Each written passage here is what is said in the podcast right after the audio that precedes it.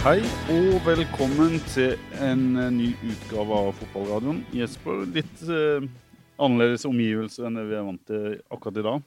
Dette er deilig. Nå sitter vi altså på eh, et eh, nydelig treningsanlegg her nede i eh, Marbella. Dette var jo det stedet hvor vi var med Tom Nordli for en eh, ja, 13 år siden. Rett til venstre for meg, der spilte vi fem mot fem. Der var det slåsskamper mellom Bjarte Lunde Aasheim, Bård Borgersen og Jon Midtun Lie. Det var også på den banen jeg ødela skuldra til Marius Johnsen. Han sliter på den skuldra den dag i dag. Han er jo idrettslærer på KKG, men kan ikke spille basket, kan ikke spille håndball, rett og slett fordi at skuldra hans er ødelagt. Det som skjedde i forkant av den duellen, var at Tom Nordli la til ekstra tid. Mitt lag leda, tida var over, men så skåra de da på over, over, overtid. Slik at det da ble uavgjort. Så gikk jeg forbi Tom, og han sa hvorfor er det ingen som blir forbanna her når jeg legger til ekstra tid. Og så klikka det for meg på Tom, og så klikka Tom på meg. Og så brukte jeg da de fire minuttene i pausen til å fyre meg opp. Og så kommer jeg ut til neste kamp, og så sier Marius Jesper, nå ser jeg at det har svartna for deg, men ikke la det gå utover meg. Så sa jeg nei da, Marius. Jeg la det aldri gå utover det. Så var det en skulder mot skulder-duell der jeg rett og slett var mye sterkere enn eh, sterke Marius. Og han føyk sidelengs utover banen. Det var jo også 100 meter rett fram, Pål. Ikke du, men en hel gjeng med andre journalister ble satt i ei trapp av Tom Nordli og skjelt ut etter noter for et eller annet som var blitt skrevet. Det var også på den banen 100 meter fram. Bayal Sal var på prøvespill. En aldeles strålende fotballspiller som aldri endte opp i start. Men det var jo veldig mye styr om hvor han egentlig skulle vært. Og Jeg husker at eh, jeg dusja med han, og det var store ting. altså. Nå snakker jeg ikke om det han har mellom beina, men han hadde noen føtter som var like breie som de var lange. Det var en strålende fotballspiller som dessverre aldri kom til Start. Men hvorfor sitter vi her, Pål? Jo, fordi at Start trener. Og Start slo da Inter Turku i går. Og vi har fått med oss én av Starts eiere. Kongen av Marbella, Robin Reed. Velkommen! Takk skal du ha, Jesper. Eh, Fantastisk intro å høre. Det er mange tradisjoner i Marbella. Da er det så fint her at jeg nesten angrer på at dere ja til invitasjonen å være med her. For jeg har lyst til å ut på banen og spille sjøl. Du prøvde Det akkurat på en sånn liten uh, frekk variant med ytterskru i, i lengste hjørne. Ja, det var venstrebein og det var utside, og vi skulle ta den fra cornerflagget og sette den i mål. Men uh, det gikk bedre for 15 år siden. Vi begynner å bli gamle. Robin, det er sikkert mange som eh, kjenner fjeset ditt og kjenner navnet ditt. Og så er det kanskje ikke så mange som har hørt deg snakke. Eh, Kom inn litt i offentligheten, iallfall i, eh, for de som følger Start, da dere tok over klubben for um, halvannet år siden, Ja, omtrent. ja. Men du bor her nede? Ja, jeg er fastboende her i Marbella. Bor rett borti nabolaget. Så det er helt fantastisk at Start kommer innom her eh, to uker i året og trener. Men født og oppvokst på Lund. Født og oppvokst et steinkast fra stadion. Freiersalsveien 35.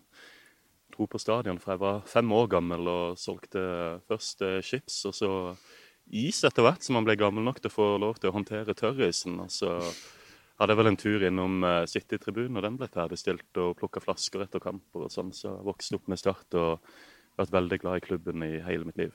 Vi må komme litt inn på eh, hvordan du havna her, og hvordan du havna i eh, Start. Eh, er det en enkel må måte å si på? Vi har jo heldigvis ganske god, god tid. Ja, nei, Jeg satt vel hjemme i jula 2015. Jeg jobber jo også i et selskap som nå er på Oslo Børs. Så vi hadde gått på børs, og det begynte å, å gå bra. og Så spurte jo min lillebror eller min mor meg hvis du får mye penger, da, hva skal du bruke de på? Så sa jeg at nei, da skal jeg kjøpe Start.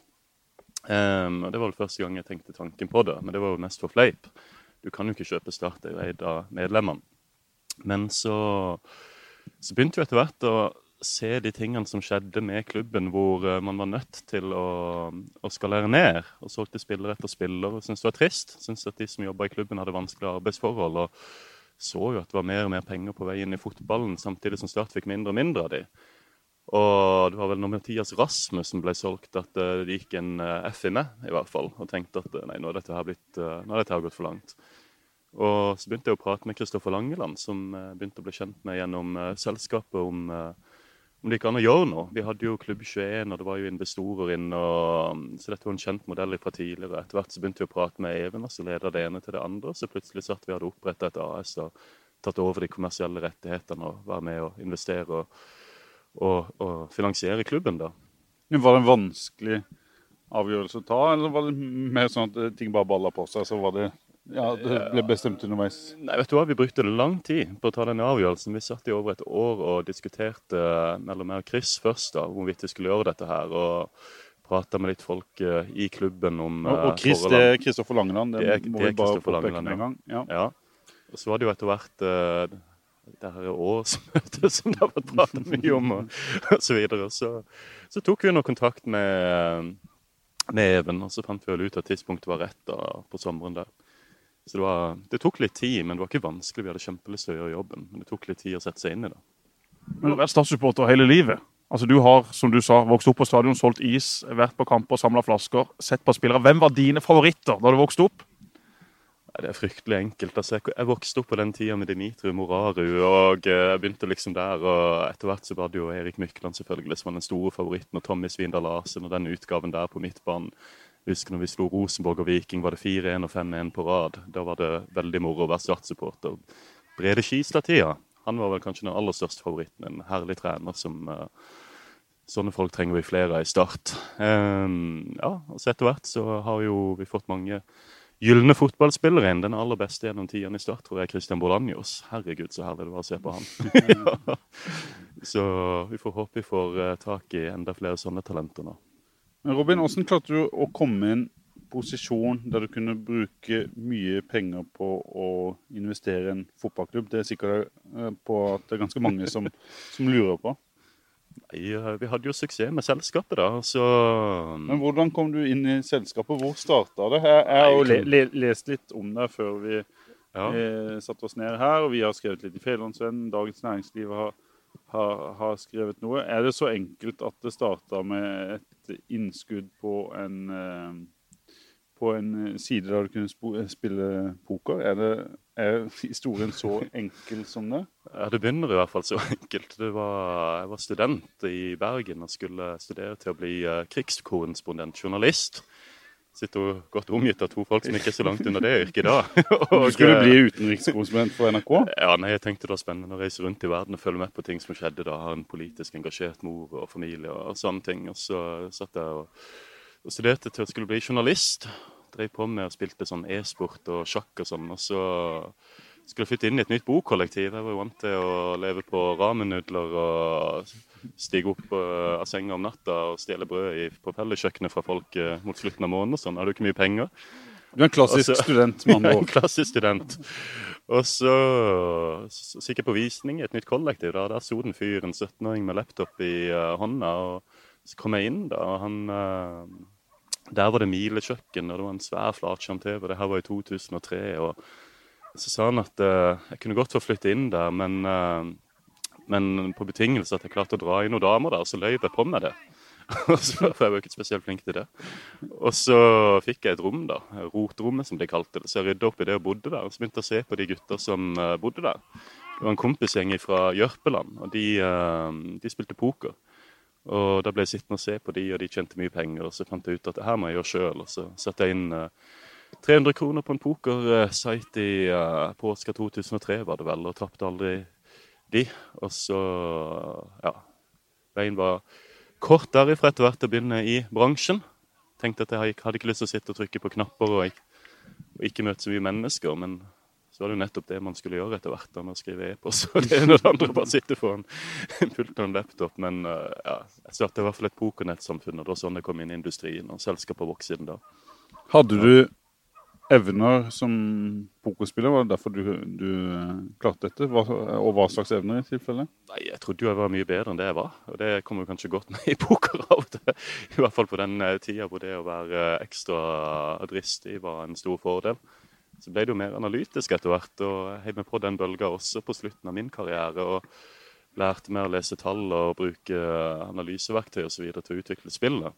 Og det er klart at etter hvert som vi har gått inn på bedriftssida og utvikle et stort selskap, så er det klart at eh, de analytiske evnene og den måten å tenke på, strategisk osv., har hjulpet veldig mye. Vi må hoppe litt derfra, da, og, og det er det som har skjedd i start. For det ble jo sagt da dere tok over at dere ville bruke data, eller big data, eller hva du kaller det, analyse til eh, beslutninger i, i start, og til hjelp for en del av de eh, tinga dere skulle gjøre. Og så møter jeg stadig vekk folk som sier hvor, hvor er det eh, blitt av det? Er, er det blitt noe, eller skal det komme? Eller er det bare det at folk ikke legger merke til det? Nei, men nå er de jo i gang. Nå sitter de jo og plotter inn i XPS-en eh, hvordan de føler seg etter trening, og hvordan de har sovet og hvordan de spiser. Og så har vi eh, disse her katapultvestene på. Det ser ut som sånn sports-BH-er. Sånn at eh, hvis du lurer på hvorfor startspillerne går med de, så handler det om big data. Så vi er i gang å bygge opp, men det er klart at vi begynte fra null. Så tror jeg at uh, tålmodighet er et nøkkelord her, og vi må bruke litt tid. Altså, det er jo noe eh, menneskene som jobber i klubben, spillerne som eh, spiller i klubben, må være interessert i selv å ta i bruk. Altså Dataen er bare så god som inputen du får. Um, men vi er nå i gang.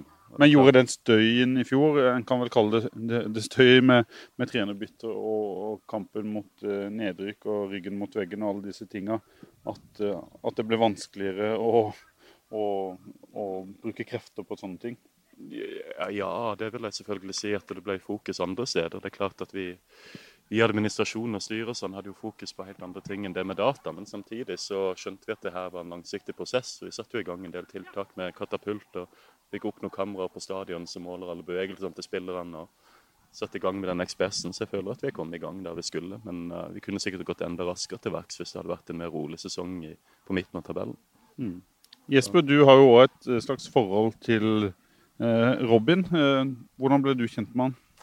Jeg ble kjent med han gjennom Kristoffer. Uh, nå kom akkurat fruen til Robin over med noe solkrem. Solfaktor 20. Hun har vel sett at her er det fare på ferde. Den ene er bleikere enn den andre. Robin, du har jo litt grunnlag etter å ha borti det, der, men vi og Pål, vi er vi er vel uh, mer hvite enn vi er brune. Nei, Mitt forhold til Robin var egentlig da gjennom Kristoffer. Uh, uh, hadde et engasjement i GIG i fjor og i forfjor. og De hadde også da en samarbeidsavtale med TV 2, så Robin var med i flere møter med TV 2 og fikk spika hvordan det skulle være. Og så har jeg selvfølgelig blitt ekstra godt kjent med han gjennom hans engasjement i Start. Og kjenner jo egentlig alle disse her eh, fem eierne, men eh, Robin og Kristoffer og Mats, de tre som er fra, fra min by, det er jo de tre jeg naturligvis kjenner best. Så har vi hatt litt sånn eh, kontakt underveis i sesongen på Facebook og på diverse meldingsverktøy. Mm. Og så er det jo da gøy å se at Robin er ekstremt interessert og positiv. For vi hadde jo en lunsj med, med Robin i går, og det er jo ikke noe tvil om at uh, selv om ikke alt har gått uh, slik man hadde håpet på det siste året med, med, klubben og med diverse andre ting, så er du jo full av energi og tro på at dette her skal bli utrolig morsomt for SAS-supporterne i tida som kommer. Og nå sitter jo Robin da mellom meg og Pål, og vi har bare to mikrofoner. Og jeg tror det er bedre, Paul, hvis Robin, som tross alt skal snakke mest i dag, får lov å holde min mikrofon. Og så skyver Robin litt bort her, og så tar du og går inn i midten nå, Jørgensen. Og så kommer jeg på din side, så kan jeg liksom være din sidekick. Ja. Og så får Robin snakke akkurat så mye han vil. Hvis vi da prøver det der. Robin har altså smurt seg allerede. Jeg skal låne litt òg. Jeg har altfor hvite hender. Det er litt tynt på toppen her, Jesper, så det blir fort uh... Skal jeg smøre det på toppen? ja. Fabian Mattes. Men eh, Robin, hvor viktig er det for deg, det Jesper nevner der, å være um, positiv? Ja, Nå trodde jeg du mente solkremen på toppen. Den er ekstremt viktig. Nei, det er viktig å være positiv. Det er klart uh, Når du er med laget, og når du er på treningsfeltet her, så ser jeg jo hvordan den biten av Start er i stigning. Jeg syns mm. gruppa er enda mer positiv, enda mer innbitt, enda mer energisk. Det Enn det du opplevde i fjor, for det er det du sammenligner med? da? Ja. Um, det er klart at i fjor var det mye motbakke. Vi, uh, vi, rykker jo ned, og vi hadde ikke trodd vi skulle rykke ned. Det var en skuffelse sånn sett. Men det er klart at uh, vi har løfta klubben på veldig mange andre måter som jeg er fornøyd med. Jeg ser altså Den energien som er på treningsfeltet, og den positiviteten som er her, det er noe helt annet enn det jeg har sett tidligere. Kanskje er det sunt for gjengen også få seg et år i Obos-ligaen hvor en kan øve på angrepsfotball, og hvor en kan vinne kamp etter kamp etter kamp, for det tror jeg vi gjør. Men for dere så er jo det Det var jo det på en måte marerittet for det får noen følger f.eks. For, for, for privatøkonomien til, til dere som har investert i, i klubben? vel? Ja, det var ikke noe mareritt, men det ble eh, dyrere enn det vi hadde tenkt oss. For det er klart at Vi tok jo noen investeringer, og vi forsøkte jo eh, på, på sommeren å kjøpe, kjøpe, inn litt spillere. Vi fikk Adeleke på plass osv. Det at vi hadde jo håpet oss å skulle unngå nedrykket, men det gjorde vi jo ikke. Og Så får det selvfølgelig litt konsekvenser for oss privatøkonomer som er med. Men uh, samtidig så tror jeg vi kan bygge klubben videre. At når vi er i Tippeligaen forhåpentligvis neste år, mm. så tror jeg kanskje ikke vi nødvendigvis så mye lenger bak der vi hadde vært om vi hadde holdt oss. Men så er det mange mm. Robin, som uh, sier at ja, klubben er på mange måter på samme sted som de var før dere kom inn, i og med at man da er i Obos-ligaen. Men hva slags ting er du mest fornøyd med når vi da snakker om klubb, struktur, organisasjon? Altså de grepene dere har gjort. hva ser du på i dag og du tenker jøss, det der var bra at vi gjorde? Ja, men Hvis jeg skal ta og gå litt sånn strukturert til verks, så begynner vi på, på administrasjonssida og ser på organisasjonen som er der. Så syns jeg nå det kommer en veldig tydelig klar struktur. Eh, Bo Kristoffer sitter der som arbeidende styremann. Og så har vi eh, Jeg klarer aldri å uttale navnet rett, men Christopher McConnicker er det rett? Um, som tar over den administrative sida, og en tydelig struktur og arbeidsfordeling mellom de personene som er der. Og så har du jo nå Tor Christian Atle Roar, som samarbeider veldig godt på sporten.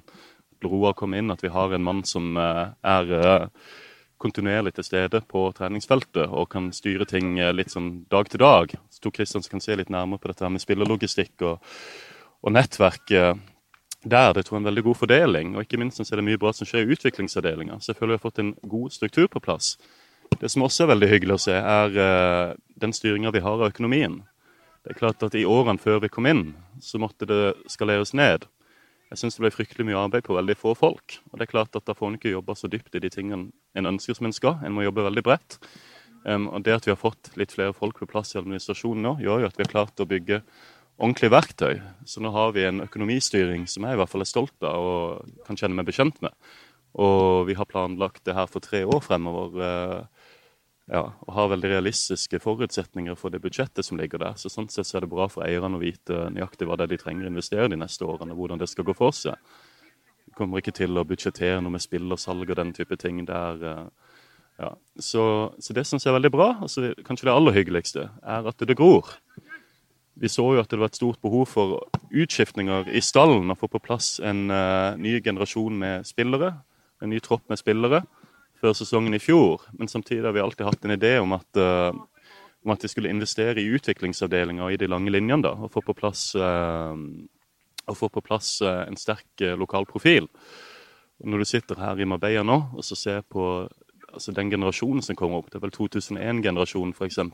Vi kan beskrive ja. litt det som skjer rett foran øynene på oss eh, nå. Der har vi altså tre gutter, eller kanskje til og med eh, Sebastian Heggeland er vel kanskje født i 2000, men tre gutter utpå her som er født i, i 2001. Arian Gundersen, eh, Christian Lien og Jørgen Myhre, som står og terper med Joey og, og Frode. Tre spennende unggutter.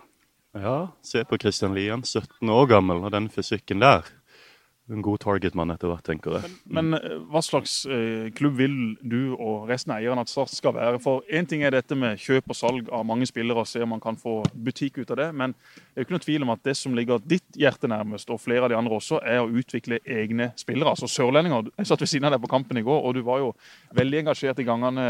Eftervåg f.eks. gjorde en god takling bak, eller slo ei, slo ei presis pasning. Er, er, er, det det som er det viktigste for Start som klubb? Å utvikle egne spillere? At det er det som skal drive klubben? Eller eller er det å kjøpe og selge slik man egentlig har gjort siden dere kom inn? Ja, Hvis du skal bygge skal du si, en forretningsplan for denne klubben her som er bærekraftig over tid, og ser på det som strategiske byggeklosser, så tror jeg det viktigste, den første strategiske byggeklossen, er kultur. Og kultur skaper du ved å tenke på de lange linjene.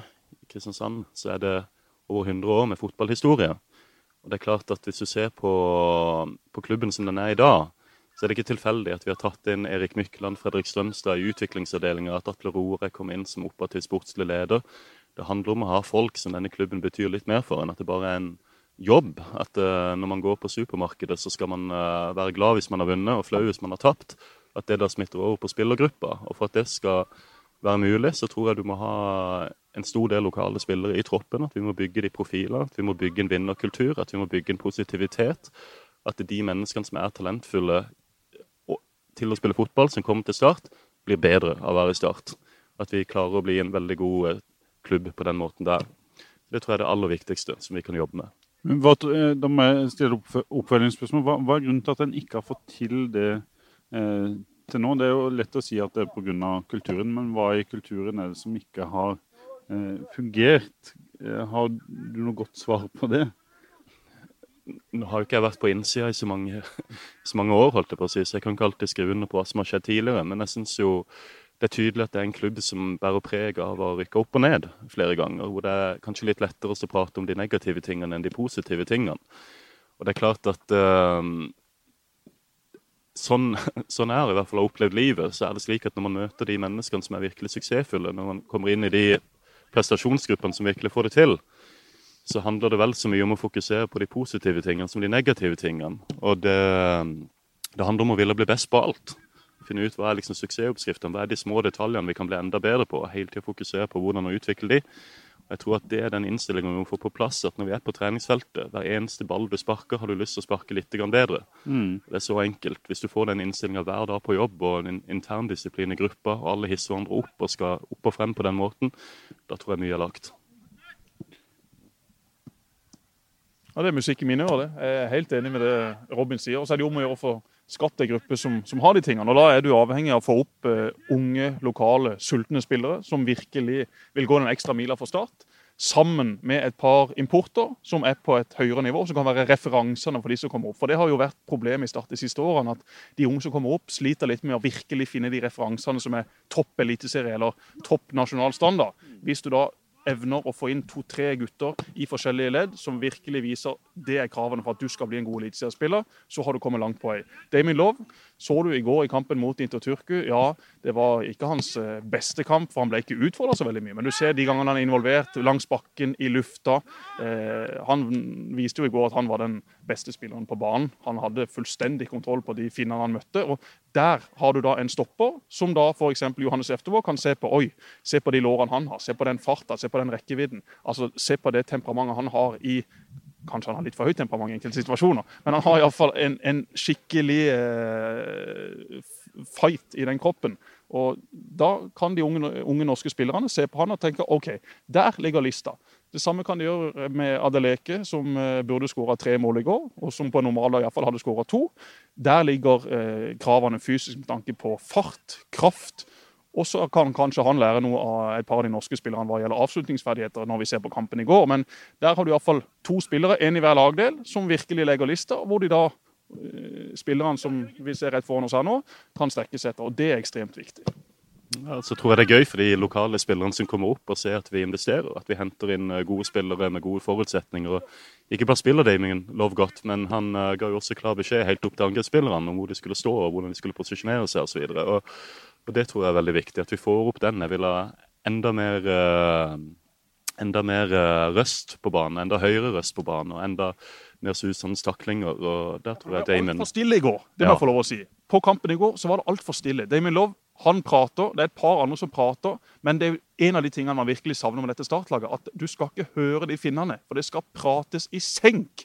De lagene som fungerer godt, da er det ofte spillere i hver lagdel, gjerne flere spillere i hver lagdel, som er hese etter kampen fordi de har prata sine lagkamerater bedre, og ikke minst sine motspillere dårligere. Så der har man en lang vei å gå. Damien Love har jo på mange måter vært en kar som har vært litt sånn rotete utenfor banen med tanke på ok, han vil vekk, han vil til en større klubb, han er misfornøyd med å være her. Men i går så var det et tydelig bevis for meg om at han har ambisjoner om å faktisk eh, gjøre det bra i start denne sesongen. Han er innforstått med at ok, det blir spill i Obos-ligaen, men der skal jeg iallfall være den beste stopperen og kanskje den beste spilleren i ligaen.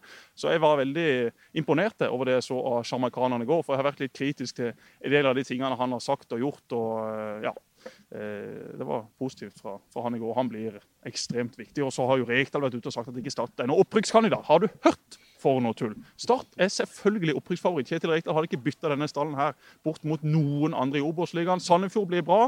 Ålesund, Sogndal, Sandnes Ulf. Ikke i nærheten av å ha den kvaliteten Start har. Så det der var et eh, taktisk utspill fra Rekdal. Han pleier å være god på de utspillene der, men der, der bomma vår venn. Han gjør det vel for å, å legge litt press kanskje på, på andre. Er du enig, Robin, at uh, dette bør uh, være grei skuring? Vet du hva? Vi, vi var på besøk hos Real Madrid uh, i januar i fjor. Og så på litt analyseverktøy og klubbadminverktøy osv. som de bruker. og Der møtte vi deres kommersielle leder. og så er jo opptatt av visjoner og hvorfor man gjør ting i livet. Det skal jo være mer enn altså Det skal jo ja, komme tilbake til det. Men uh, så spør jeg han fyren fra ledelsesgruppa i Real Madrid uh, hva er visjonen til Real Madrid. Snur han seg så svarer han med to ord. da. Han svarer 'to win'. Og hvis du spør meg hva ambisjonen vår er i Obos-ligaen, eh, så er det å vinne samtlige kamper og rykke opp med klar margin på førsteplass. Hvis vi leder 2-0 i første omgang, så skal vi ut og vinne 5-0 i andre. Så enkelt er det. Men eh, Robin, litt tilbake til fjoråret, som, som, eh, som ble ulykksalig, kan du vel eh, si. I hvert fall for de som følger eh, klubben. Eh, ble det henta for mange? Jeg vet ikke om det ble henta for mange, men vi mangla i hvert fall noen typer som vi burde henta. Og det er klart at uh, uten å gå for mye i detalj på det, når vi satt på denne tida av fjoråret, kanskje enda litt tidligere, og satt og så på shortlista over spillere osv. Og, så videre, og hadde finsikta inn noen kandidater, så var det klart at uh, det var en tre-fire navn der som var 25 pluss, som var etablerte spillere, som, var, som hadde sterke CV-er. Og at ikke vi fikk på plass enda flere av de, det tror jeg hadde mye å si. For når du henter inn såpass mange nye spillere, du skal sette prestasjonsgruppe og et miljø, at du har noen av disse her som har vært med på alt tidligere, og som virkelig tar tak, litt som du ser Joakim Jørgensen gjør her i gruppa, gruppa nå, da. Det tror jeg hadde vært ekstremt utslagsgivende for den sesongen. At eh, jeg angrer veldig på at ikke vi uh, satte oss på enda flere fly og prata enda nærmere med en del av de spillerne og passa på å close de. Det tror jeg var den største feilen vi i styret gjorde i fjor. Ja. Hvor involvert Eh, er du, eh, dere, i disse beslutningene? Nå stoler vi selvfølgelig på administrasjonen vi har. og Det er klart at det er de som finner fram til spillere og til kandidater osv. Men vi sitter jo og prater hver dag i styret på interngrupper og følger med på det som skjer.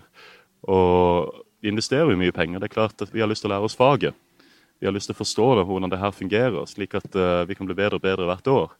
Så Derfor prøver vi å involvere oss mye vi kan, men har klar uh, ansvarsfordeling. Så ja.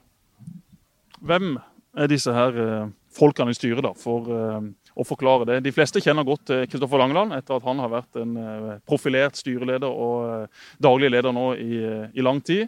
De fleste kjenner nok også litt til det, men hvem er de tre andre? Det sitter en kar i Bergen, det sitter en kar i Drøbak, og det sitter en kar i Oslo, men som da er fra Birkeland. Kan du gi en sånn kjapp intro om hvem disse er, og kanskje hva slags kvaliteter de har inn i denne gruppa? Ja, du kan begynne med Frode. Han er min businesspartner gjennom ti år. Det er pokeren i Norge sin Frode Skyvåg. Han arrangerer Norgesmesterskapet og nærmest på dugnad i alle år. Har bygd opp et kjempearrangement og har et vanvittig nettverk. Og er en type som, uh, som de aller fleste mennesker jeg møter, i hvert fall liker veldig godt. Så det er klart at ha, I forhold til det her med positivitet og kunne markedsføring og sånn, en helt fantastisk kompetanse og utrolig nettverk og bra fyr. Kjetil Aasen det er han milliardæren i den blå boblejakka som sto bak på medlemsmøtet og stabla stoler for eh, åtte-ni måneder siden. Det er en analytisk fyr som uh, har investert i mange forskjellige selskaper og gjort det bra. Aktuarer utdanning, ekstremt interessert i fotball. Meget skarp på odds og på spill, og har også jobba for litt forskjellige idrettsorganisasjoner med å hjelpe de. Så han kan uh, fotball ut og inn, og er veldig opptatt av å utvikle barnefotballen. Jeg har uh, tre barn som er både flinke i sjakk og fotball, og er med i forskjellige lokalklubber oppe i Bergen. og har også tatt mange turer ned på Sørlandet for å møte klubber og utviklingsavdelinger her, og er litt med i Teknisk hjerte og diskuterer sport og sånn. Kjetil er en veldig fin fyr. Han kjører samme bil og bor i samme hus som han gjorde før han fikk alle disse pengene, og bryr seg egentlig mest om kvalitet. Så har du jo da Mats Nesse, som er eh, tidligere Start 2-spiller, han også.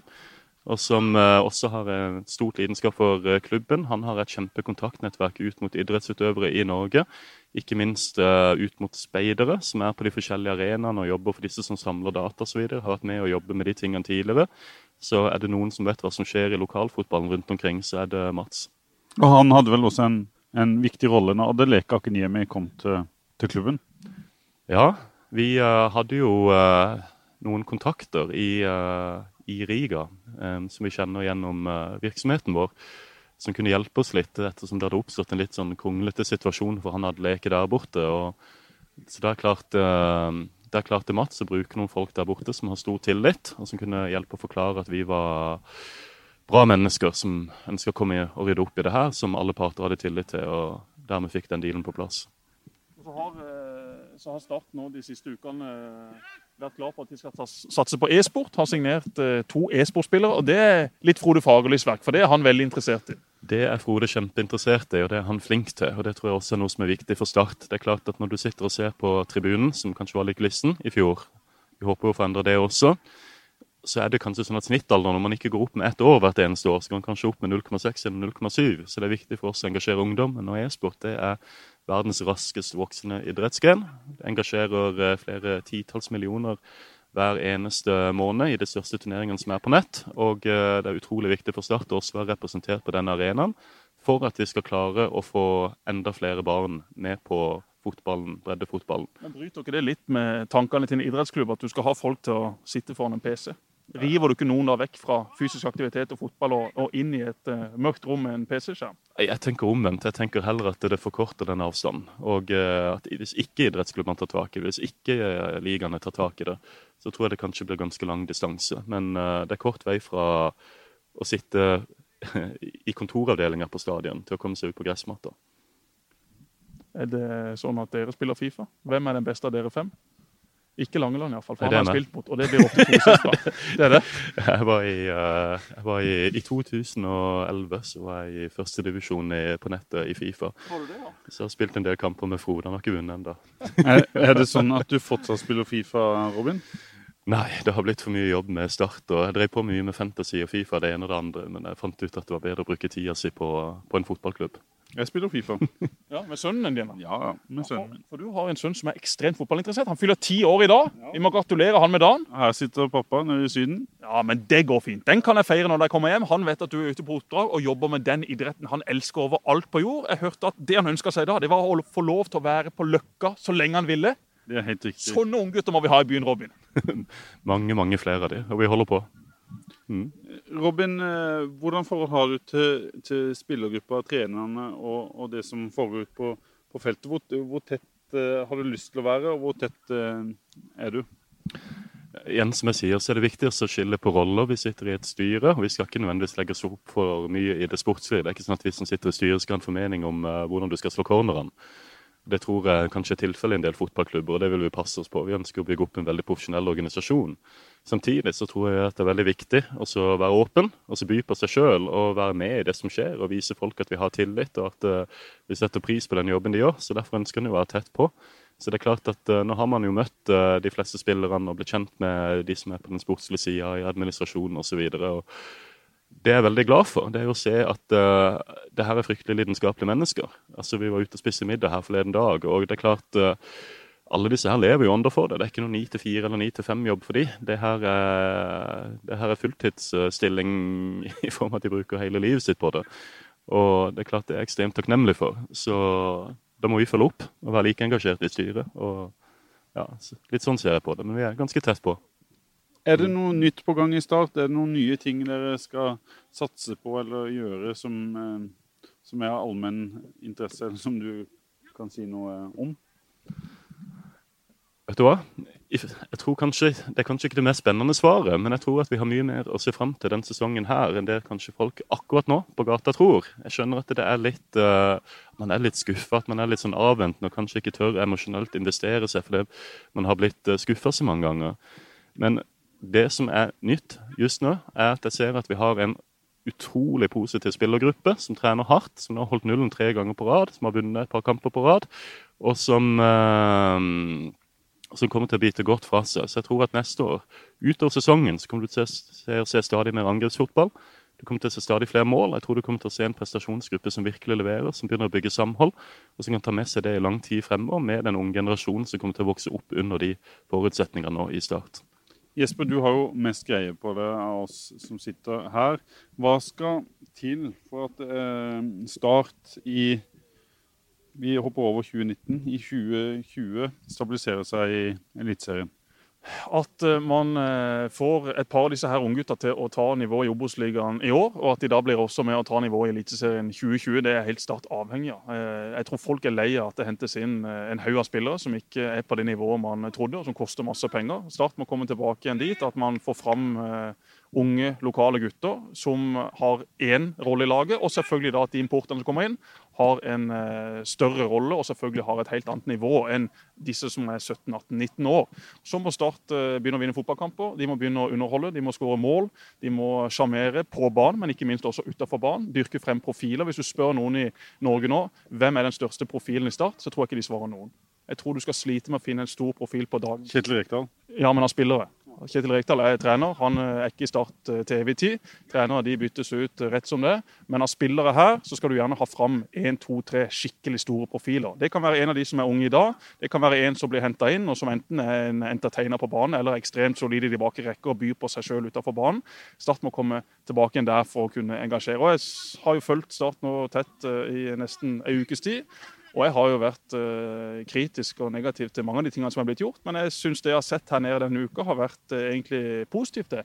Imponert over flere av de unge gutta. Og du som kjenner meg godt, Pål, du vet at uh, det skal litt til for at jeg blir imponert over de. Jeg syns veldig mye av det som har kommet opp de siste ti årene, rett og slett ikke har vært godt nok. De har ikke vært sultne nok.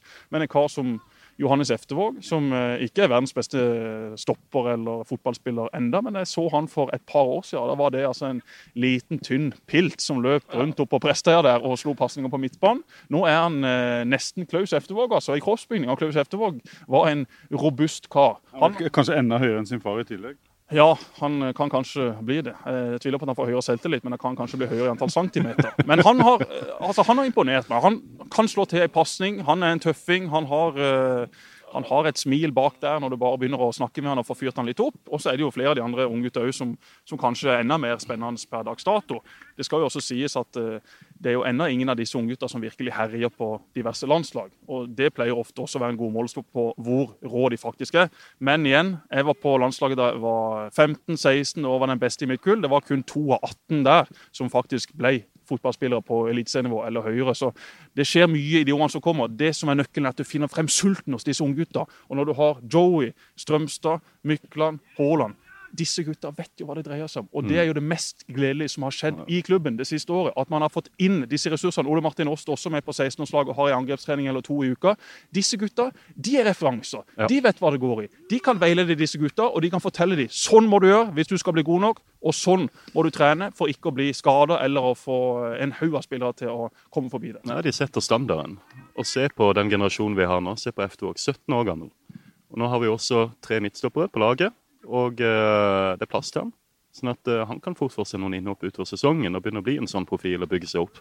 og bli nå, klar. Og nå ser vi han Kristian Lien her. Det var noe voldsomt avslutninger som kommer med begge beina her nå. Floki står uh, bak han og er tydelig imponert når han satt de ned i hjørnet, opp i hjørnet og ned langs bakken og alt mulig i løpet av de siste fem minuttene. Så et eller annet er det jo der òg. Ja, absolutt. Jeg var ikke imponert over det han viste i kampen i går. men eh, han Litt har... ute av posisjon? Jo da, men allikevel. Jeg ser kjapt om det er fotballspiller eller ikke. Han har eh, fysikk, og det han har vist nå på avslutningstreninga, har etter hvert vært uh, veldig bra. og Dette er jo gutter som elsker å spille for klubben. Han kommer fra Flekkefjord. Mm. Heia Flekk, heia Fjord, heia gamle bestemor. ikke sant? Da kan du plutselig åpne interesse der borte også. Nå kom det sist en spiller fra Flekkefjord. Jeg kan ikke huske det. Får du han inn og får noen minutter i år. Har du han med på benken, ja, men så kommer det etter hvert en buss fra Flekkefjord. Og det er jo fantastisk. Du har lyst til å legge til Jesper, at det er noe vi har prata fryktelig mye om i styrerommet. At Start er ikke Kristiansand. At Start skal favne bredt, helt fra Flekkefjord til Risør. Og det er klart, eh, Da må vi hente inn disse talentene til Start. Absolutt. Og Så kan vi jo kjapt gå gjennom laget Pål, sånn som det ser ut eh, etter kampen i går. Vi har diskutert, vi bor jo i leilighet sammen. Vi hadde innbrudd! Det må vi også ta! Vi har, ta det først. Vi har hatt innbrudd i leiligheten. Dette var da natt til eh, Var det onsdag? Natt til onsdag hadde akkurat sett at eh, Ole Gunnar Solskjær og United hadde slått ut til PSG i Paris på en helt korrekt VAR-avgjørelse der mot slutten. Så gikk vi inn og la oss da sånn rett over tolv, og klokka 03.30 på natta da våkna da vår gode venn Steffen Stenersen av at det sto en mann inne på hans sitt soverom. Han hadde først hørt noen lyder ute i stua og tenkt at det her er sikkert bare Pål og Lesbo som skal på toalettet. Det var det ikke, for idet Steffen snur seg og åpner øynene, så ser han altså nese skaftet til en eller annen spanjol stikke inn på rommet hans, og Steffen roper bare hei, hei, hei! Og Steffen liksom stabber seg opp, og da er jo han spanjolen 100 eh, meter ned i gata, for han var proff. altså. Han var så rask at selv ikke Ernest Santa hadde fulgt han nedover den asfaltveien der. Han hoppa ut fra terrassen med min, min sekk. Med din sekk, hvor det da lå et pass, en solkrem, to PC-er en genser. En genser, eh, et fotoapparat. Han hadde tatt min iPad, men den lå plutselig ut på terrassen, så den må han ha mista eller lagt igjen. For jeg gikk jo rett inn på iPhone, og så skulle den der Find my iPad Så skulle jeg lagt av gårde sammen med dere to i baksetet og virkelig lekt A-team på jakt etter denne her forbanna spanjolen. Og du tenkte han var der inne ennå? Ja, altså, jeg så jo at uh, iPaden lå jo i leiligheten. Jeg tenkte, Jøss, har han gjemt seg i et skap? Eller hva? er det flere her inne? Hva, hva, skjer her nå? Men det viste seg bare at han hadde lagt eller mista den iPaden ute på terrassen. I alle fall, Dette var jo ganske skummelt for Steffen. Altså, Når du våkner på natta, og du står en fremmed person på rommet ditt Du vet jo ikke om han har kniv, pistol, bazooka, om han er rusa. Du vet jo ingenting. Er dette her desperate mennesker som er villige til å stikke en kniv i magen din bare de får tak i de 100 euroene? Det Det var viktigste skummelt. Jesper, var jo at vi slapp å få ut noen avslørende bilder fra unge Mathisen på internett fra iPaden. Det hadde vært ille. Absolutt, absolutt, men den iPaden er nettopp kjøpt inn. Og han er ikke kobla opp mot uh, min Apple-ID, så vi hadde sluppet billig unna her, Robin. Men er dette, du som kjenner miljøet i Marbella, er det, er det mer kriminalitet, er det mer sånne ting her enn eh, hjemme i Norge? Det er klart at det er fryktelig mye penger samla i Marbella. Det er mange rike mennesker som bor her, så det tiltrekker seg jo eh, litt av hvert av folk. Men de har jo etter hvert fått mye mer kontroll på det enn de hadde før. Det er nok et sted du skal være litt mer forsiktig enn det er andre steder. Og så måtte dere på politistasjonen. Dere måtte anmelde greiene. Så nå får dere jo dette igjen på forsikringa. Men det var en litt eh, skummel natt, og vi satt jo oppe der fra klokka fire til fem og egentlig vi grein og vi trøsta hverandre og vi lo litt. og Etter hvert gikk vi inn og la oss igjen, og så tok det noen timer før vi sovna, så vi var ganske trøtte dagen etter. Men eh, det gikk greit med oss alle. Men hvor, altså, hvorfor kom vi inn på Jo, vi skulle Ja. gå gjennom årets lag eh, i Start. Altså det laget Ja, altså, vi tror starter først i serierunde. Det er triveligere. det kan vi gjøre. Doimeland står i mål, det er det ingen tvil om. Dormiland står i mål, men de er også veldig imponert over uh, vår nye venn fra Hønefoss. Han har vært uh, god i vinter. var jo Han stått bra i kampene. stått bra i kampene og har en enorm rekkevidde og er nok bedre enn Dormiland med beina. Og i kamp og start da kommer til å styre, så kan det jo være at Kjetil Rekdal er villig til å bytte litt på keeper. Han var ikke helt fornøyd med fotarbeidet til Dormiland i går. Du hørte flere ganger at han var misfornøyd med kraften og presisjonen i pasningene, men Dormiland han står bak. Så spiller eh, Jørgensen og Damien Love. Mm. Og så er det jo spørsmålet, hvem spiller sammen med de? Tvom han spilte der i går. Venstre av de tre bak. Han imponerte ikke i den rollen der. Henrik Ropstad var meget god der i andre omgang. Mm. Ropstad inn. Da kan Ropstad spille med venstre fot som den venstre av de tre bak. Jørgensen over til høyre. Love King Kong i midten. Akkurat nå så ville jeg stilt med, med de tre. Da Ja. har du eh, bra dekning. Du har to gode oppspillsføtter, Jørgensen og Ropstad, som da er naturlig å spille opp med, i og med at de da er høyre- og venstrevendt. Og så har du Love i midten, som er den klart beste stopperen i Obos-ligaen. Jeg er veldig enig. Ja, men det er bra. Da eh, har vi spikra den. Da kan vi bare melde Kjetil eh, om det etterpå. Og så har vi da eh, på midtbanen. Der er det tøff konkurranse på den sentrale midtbanen. Der har du Segberg, du har Christensen, Aremu, Tvom, Hatsic kan spille der. Mm. Det er en mann der som for meg er helt udiskutabel, som kommer til å spille uansett, som har andre kvaliteter enn alle de andre. Det er Afis uh, Aremu. Afis Aremu. Han spiller. Så har du Segberg, som er valgt som eh, kaptein.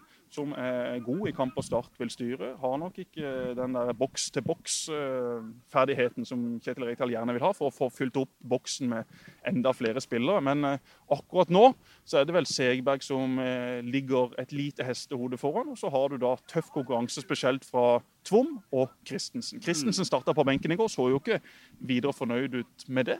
Var ute på i andre omgang, leverte en eh, svak forestilling til han å være. Han var mest opptatt av å skjelle ut lagkamerater og og klage litt på dommer og motspillere. Så der var det en Christensen som ikke en Christensen. Der var det Christensen som eh, ikke var så god som vi har sett han før. Han var Han, han har jo noen utfordringer, sånn jeg ser det, i eh, dette systemet som Kjetil Rekdal skal spille. Han, han passer liksom ikke inn i en eh, posisjon som han ville kanskje gjort som en venstre indreløper i 4-3-3. Kunne han fungert veldig bra som. Ikke minst som en av tre bak en spiss i en 4-2-3-1-formasjon. Eh, som en 1-10-rolle der. Så, så utfordringa hans blir jo å finne eh, sin plass. Ja, men jeg ville spilt med eh, Adeleke på topp, Bringaker til høyre, og så ville jeg dytta Tobias som den venstre av de tre framme. Aron Sigurdarsson har blitt prøvd her nå, slo et flott innlegg til Bringaker i går, men han mister mye ball, han tar litt for mye sjanser. Han er ikke den rytmespilleren akkurat nå som Rekdal vil ha. Tobias inn der, da kan han få lov til å trekke inn i banen og ofte være en tier, og så vet du at du har spillere på venstre eh, wingback i Ropstad, eller da som eh, venstre midtbane med Hadzic, om det er han som spiller der, så kan han opprettholde bredde. Så jeg en Helt enig at det kan funke i en offensiv posisjon, og i hvert fall i, i Obos-ligaen. og Der tror jeg Tobias også kan funke sentralt på midtbanen. Men når de møter gode lag, så, så eh, Og han på en måte må gjøre det, den defensive jobben, så kommer jo utfordringene mer til, til, til syne. Ja, men Når du spiller med 3-4-3, så har du råd til at én eller to av de framme tar seg litt fri når du blir angrepet. Så kan du heller være et kontringspunkt. Du trenger ikke ha elleve slaver utpå der. Du kan ha Så trenger, du noen, så, tre, ja, så trenger du noen til Adeleke. Det så vi i går. Vi trenger noen som kan spille han i, i bakrom, og det kan jo eh, i høyeste grad Tobias Christensen. Han får jo ikke sikkert så mye bakrom i år som han fikk i fjor, men han møter treigere stoppere. Han eh, trenger ikke så mye, fart på å komme, nei, så mye plass på å komme opp i, i fart. Så de stikkerne til Tobias inn til Adeleke, de kan vi se for oss. Ja, absolutt. Og Adeleke fikk jo de der finske stopperne til å se ut som robotgressklipper i går. For de sto altså helt stille i forhold til han. Jeg har ikke sett på maken. Enten så var de eh, verdens tregeste midtstopper, eller så var han verdens raskeste spiss. Men de sier jo han har tatt eh, steg, særlig fysisk, eh, Adeleke. Og vi så vel kanskje litt tegn til det i går. Ja, han, eh, han leverte en god kamp i går, syns jeg. At han bommer på sjanser, det er ikke så nøye for meg. Han eh, setter eh, plutselig to-tre av de der, og så er kampen avgjort egentlig før han er i gang. Og ute til høyre, på Vi må bare ta en ting med Adeleke først. Ja. Du, har, du har sagt, Robin, at han du, jeg vet ikke om, Har du vedda på at han skårer minst 15 mål i Obos-ligaen? Jeg har ikke lov å vedde på start av opplagte grunner, men uh, la meg ta analysen som var der når vi kjøpte den. For det er viktig. Vi brukte jo en del millioner, ikke så mange som ti. Men, eh, men som Tor Christian sa når vi kjøpte den, at her har du et eksepsjonelt talent. Men han er ung. Han passer tippeligaen perfekt. Han river og sliter. Han har tempo. Um, han kommer seg til sjanser. Han krangler inn i boks. Um, han uh, er relativt målfarlig. Men som Tor Christian sa, han har litt å gå på på fysikken. Han har litt å gå på som førsteforsvarer i press. Og han har, uh, han har my kanskje mye å trene på hva gjelder avslutninger. Men han kommer seg til så mange målsjanser at han skårer. Det første vi skulle jobbe med, det var fysikken. Nå er han på gang. Og så skal man jobbe på avslutningene. Og det er klart det er her er en spiller. Han er ung, han kommer til å komme. og Han kommer seg, altså han spiller ei omgang i går. Han kommer seg til tre eller fire sjanser. Det er mye lettere å lære seg å sette de enn å lære seg å komme seg til de i første omgang. Så det en spiller jeg har kjempetro på. skal jeg si én ting men når det gjelder han, som jeg syns er veldig positivt. Det var i fjor eh, så så vi Adeleke litt sånn alene, litt uh, mutt. I år ser vi tanggarden hans eh, nesten hele tida. Han kom bort til meg i går og var et eneste stort glis og sa dette gjør ingenting om jeg bomma. Skårer når serien starter. Han spurte har du det bra. Yes, sa han. Og så smilte han. Og den Adeleke så vi jo nesten ikke i det hele tatt i, i fjor. Nå var han akkurat bortom her, henta en ball, snudde, vinka og smilte. Det har mye Ja. å si. Når jeg kom med min uh, seks år gamle sønn på treningsfeltet her, uh, som var litt nervøs for å møte de store heltene sine, han var førstemann til å si hei. Nummer to var Vikne. Han tok seg god tid, spilte fotball med han og lærte han noen triks. Vi skal også bygge mennesker her. Utrolig viktig. At vi har sånne folk som eh, ser de større linjene og de store verdiene, det er utrolig bra. Og Vikne har jo vært eh, kanskje vinterens beste spiller. Ja, Vi har ikke vært innom høyre Nei, bekken nei, men han er benkers på høyre kanten der på, på midten, eller wingback, eller kall det hva du vil. Han leverte en solid forestilling også i går. Sier han har trent ekstremt bra fysisk. Hadde litt vondt i en hæl. Men det løper Vikna av seg til alvor og begynner. Så Vikna i rute. Han eh, spiller der ute så lenge han er frisk. Og det er som du sier, Robin, en, en herlig fyr. Tar seg av de som er rundt han, og er jo egentlig en beskjeden fyr. Og det var jo mitt ankepunkt til Vikne da han kom opp og var en del av Stats Asdal og begynte å trene. Ja, men du må ikke være så forsiktig. Unnskyld at jeg lever, var det sånn som Vikne fremsto i hver eneste situasjon. Nå begynner han å bli tøffere. Hodet hans har utvikla seg. Jeg er fortsatt i tvil om han har hodet til å bli en topp, topp eliteseriespiller, men han er i alle fall på gang. Og jeg har utrolig stor sans for Eirik Vikne både som person og spiller, og han har blitt god. For det er han de siste fem årene i Start, av de som er her nå, har trent klart best og klart mest. Han er ufattelig dedikert, 100% profesjonell og et forbilde for de neste nå som skal ta steget. Han har tatt sjumilssteget, Jesper. Her har du en dønn profesjonell og seriøs, seriøs fyr. Han sitter med strak rygg på spillermøtene og følger med på hvert ord som sies, og han er ikke sjenert lenger. Det er en fyr som skal bli best på alt. En moderne wingback. Jeg meldte det først, landslaget. Ja, det kan eh, fort være at eh, Vikne kan bli eh, den som er i alle fall nærmest et eh, landslag i fremtida, for han har noen eh, ferdigheter som er veldig veldig bra. Og så er jo da spørsmålet hvordan er hodet hans, og hvordan er størrelsen hans i eh, en f.eks. back-posisjon. For vi har sett det at skal du være back internasjonalt og være holdt på å si, såpass lav så, så viktig, han er ikke dverg, men han, han er ikke stor heller. Han hadde ikke spilt under Mons Ivar Mjelde. Han hadde ikke spilt under Mons Ivar Mjelde, men da må du iallfall være ekstrem på, på en del andre ting. Og det kan Vikne fortsatt bli. Adeleke og Hægeland, Rune, 97, 66, 46, 56, fortsatt singel. De står nå og slår langpasninger. Og Rune har jo en god fot. Altså Hadde Rune vært eh, 50 kilo lettere, så hadde Rune faktisk vært en eh, habil Obos-spiller. For han har fotballhode, han har et enormt tilslag. Men det du også ser på Adeleke, mange afrikanere de har jo altså ikke ankeledd som fungerer. De slenger seg til alle kanter, og de får aldri et skikkelig godt treff på ballen. Når han slår langpasninger her nå, Han han har faktisk en god teknikk. Og der var de hvite tennene hans igjen. Hvite tenner og hvite sko. Det fungerer fint. Det er nesten så vi må rope han bort her, altså. Skal vi gjøre det? Ja. Hæ? Skal vi ikke gjøre det? Vi sitter jo tross alt her med eieren av klubben. Så, så hvis Rekdal eller noen skulle bjeffe på det, så ber vi ham bare ringe Robin i etterkant. Gå og hent han du, Jesper. Jeg skal gå og se. Du, eh, Robin. eh, Er det noen av de eh, unge spillerne som du tenker han eh, Du var innom Joha- Johannes Eftvåg, som du tenker eh, eh, Der kan vi fort få et eh, gjennombrudd i år? Ja, det er mange unge spillere på laget. Selvfølgelig har du Toby, og du har eh, Mikael Ugland også. Jeg kunne nevnt mange. Ehm, hvis du skal ta de aller yngste, hvis jeg skulle satt en knapp på noen, så tror jeg Johannes Eftervåg stiller eh, på toppen av min liste. Jeg tror han Christian Lien kan komme inn og være en god targetspiss etter hvert. At det kan være plass til han i noen kamper. Men, men Johannes Eftervåg har jeg stor tro på etter å ha sett han her nede. Du, eh, Afrikanere og integrering og, eh, og ting som kanskje ikke har tradisjonelt eh, sett klart helt å, å, å få til. Hva slags fokus har dere på det? Hva gjør dere for å få dem til å trives og, og komme inn i, i miljøet og, og vokse? Vet du hva som er sagt til Kristoffer? Altså Kristoffer Langeland flere ganger som vi har prata om. Hvor utrolig viktig er det ikke at det er folk som legger ei arm over skuldra til folk på treningsfeltet og prater med folk og besøker de og får de inn i varmen. Jeg tror du skal fokusere litt ekstra. Du skal ikke glemme det her er veldig unge gutter som drar til sitt første proffeventyr til et annet kontinent. Det er fryktelig vanskelig for dem å komme inn. Så det er klart at alt fra hjemmebesøk til å ta dem med ut, til å være på de tett på treningsfeltet, er utrolig viktig. Så har vi jo flere av de da. Så det er jo et miljø hvor du ikke er alene. Det er bra. Hei, er det leke? The big star og start. Hei.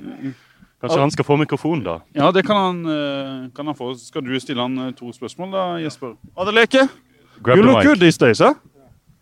But yesterday, no goals. Uh, sometimes you know you, you play like 100% and you are lucky. But I know, like if you continue like this, goal will come. You're going to score when the league starts, huh? Yeah, yes. We're training good in the holiday. Yeah, very good, very good training, and everybody's working hard. Tell, tell me how is life this year compared to last year?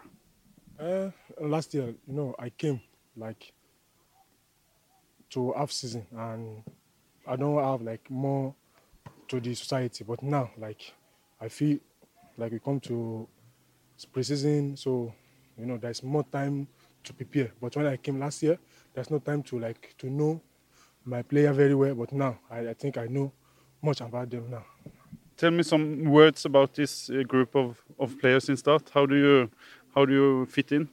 Yes, I fit in good because they know my capacity and they know my runs, my every move I move, and I think that is the best for now. You enjoy it in in uh, Kristiansand? Yeah, yes, I enjoyed everything, especially sometimes their food and it's, it's quite. But you enjoy it more in Marbella. Nabea, oh, the pitch. The pitch and the weather, huh? This is like Kristiansand in the summer, huh? Uh, really?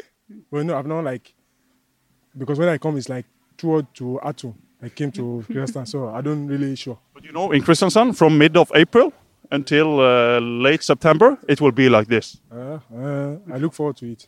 So yes. But how is life in in Kristiansand and Norway compared to in uh, Ventspils? Mm, I think it's almost the same. It's almost the same. There's nothing different. The difference is like changing of club. Yeah. So that is that is the difference. And the people? Uh, they are all the same. Oh, nothing different. They are good people here too. They are good people. So there's nothing different. Last question, Adeleke. Uh, your goals for this season? What what are your aims? My aim is to score like 30, 30 goals. So and I look forward to it.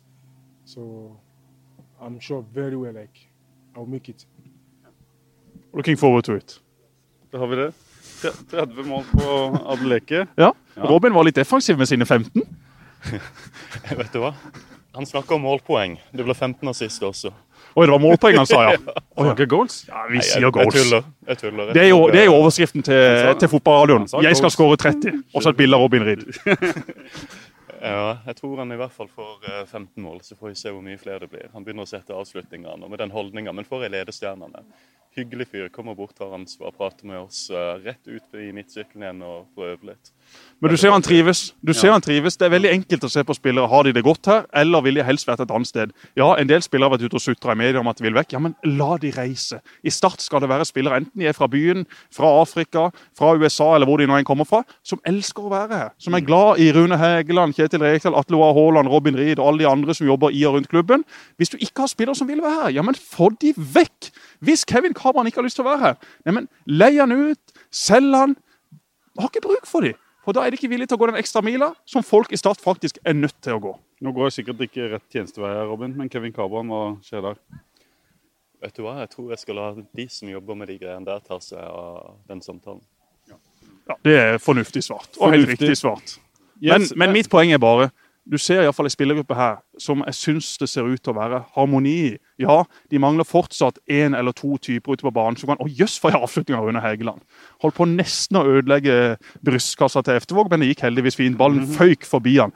Men det jeg skulle si, ja, gruppa mangler fortsatt én eller to ledere som virkelig kan bjeffe på trening, på banen, og som kan heve de andre. Men av de som er her nå, så syns jeg faktisk det virker som at dette er gutter som har lyst til å være her, som er villige til å spille Start opp igjen, koste hva det koster. Ja, du er positiv. eh, Ja, men jeg er positiv. Jeg har blitt mer positiv enn dere. Og jeg er ikke den som eh, alltid er mest positiv. Jeg er realist. Mm. Men når jeg da har sett litt på de andre lagene som Start skal Mm. møte i Obos-ligaen denne sesongen, så kommer Start til å rykke rett opp. Og så kan Kjetil Rekdal stå og snakke så mye om vil om at ikke Start er opprykksfavoritter. Selvfølgelig er Start opprykksfavoritter. Vi lar det bli siste ordet. Så må vi si tusen takk for at du tok deg tid, eh, Robin. Det var sikkert mange som syntes dette var interessant. Takk skal du ha. Jeg syns det var kjempehyggelig. Og nå skal du da eh, hjem igjen, eller litt på arbeid. Det er fint her nede i Marbella. Nå skal vi sette folk på plass i padeltennis. Jeg skal spille med Robin, Mats Nesse, Endre Nesse og en eller annen Aas fra Birkeland. Og så ser vi om vi får med oss et par til. Padeltennis, veldig moro. Lykke til. Hei.